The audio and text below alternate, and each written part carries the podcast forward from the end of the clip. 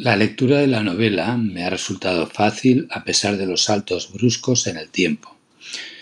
La historia me ha parecido un tanto folletinesca y forzada y con una despedida final en la cárcel de Lledoners que no entiendo.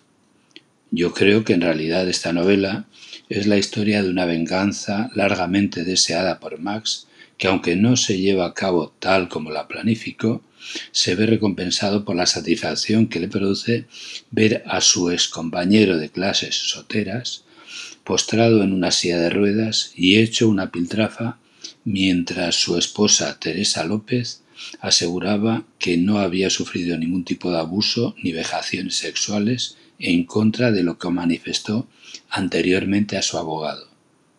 Mi puntuación es un 7.